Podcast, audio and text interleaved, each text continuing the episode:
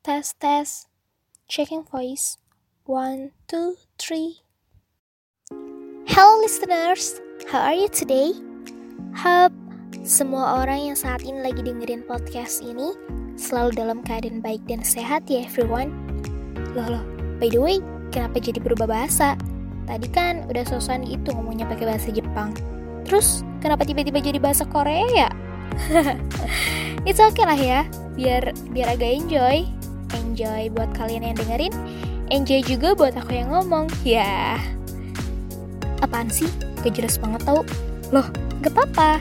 Ini tuh mukadimah, alias pembukaan, alias opening. Biar gak kaku gitu loh. Kayak baju yang habis kehujanan, terus dijemur berhari-hari. Habis gitu kehujanan lagi, terus sampai kering lagi. Udah ah, ngomong yang jelas aja. Kayak orang gabut tahu. Oh iya nih, ngomong-ngomong soal gabut, aku pengen curhat. Kalau selama tiga bulan ini ngerasa banget jadi orang yang tiap harinya cuman gabut doang. Ya gitu, rebahan, makan, pup, makan lagi, terus rebahan lagi. Aduh, bener-bener gak berguna. Seperti yang udah kita tahu, bahwa sejak pertengahan bulan Maret lalu, pemerintah Indonesia telah menetapkan darurat COVID-19 di tanah air. Pasti tahulah ya semuanya apa itu COVID-19. Secara nggak langsung, wabah COVID-19 ini merubah tatanan kehidupan masyarakat tanah air. Iya, yeah, nggak lebay, tapi fakta. Di mana lembaga-lembaga pendidikan diliburkan, pabrik-pabrik tidak dapat beroperasi, serta banyaknya pusat perbelanjaan dan pariwisata yang turut tutup karena semua manusia diharuskan untuk stay at home alias di rumah aja. Tentu ini berdampak cukup besar lah ya dengan sistem perekonomian masyarakat Indonesia. Um, bisa dibilang pandemi COVID-19 ini jadi panggilan buat kita semua sebagai manusia untuk menjadi lebih baik, lebih bijak, lebih kuat, dan juga lebih bersatu.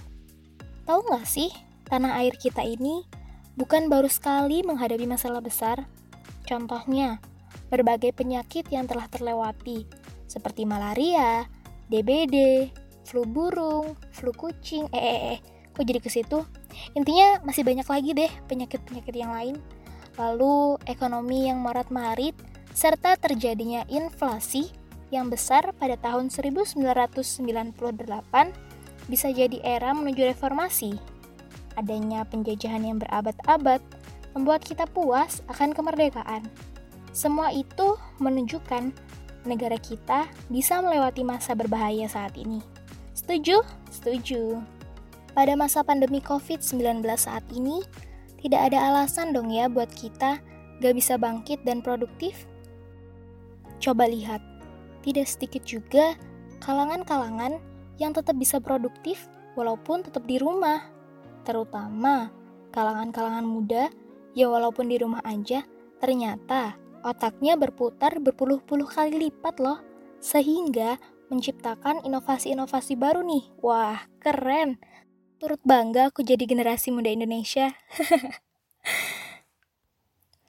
emangnya inovasi-inovasi apa sih seperti membuat karya karyanya bisa berupa karya musik karya dan macam-macam lah ya.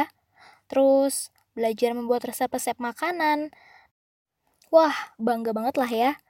Yang mana dari sini kita bisa ambil kesimpulan kalau walaupun di rumah aja tidak bisa begitu saja meredupkan otak-otak kita semua, terutama kalangan-kalangan muda. Kalau aku pribadi sih, karena ngerasa udah terlalu lama di rumah dan gak ke mana-mana, Tentu keinginan yang sangat dirindukan banget adalah meet up alias nongkrong-nongkrong gitu deh sama teman-teman. Gimana ya namanya eh, kalangan muda itu tuh nggak bisa kan yang namanya jauh-jauh dari istilah temen.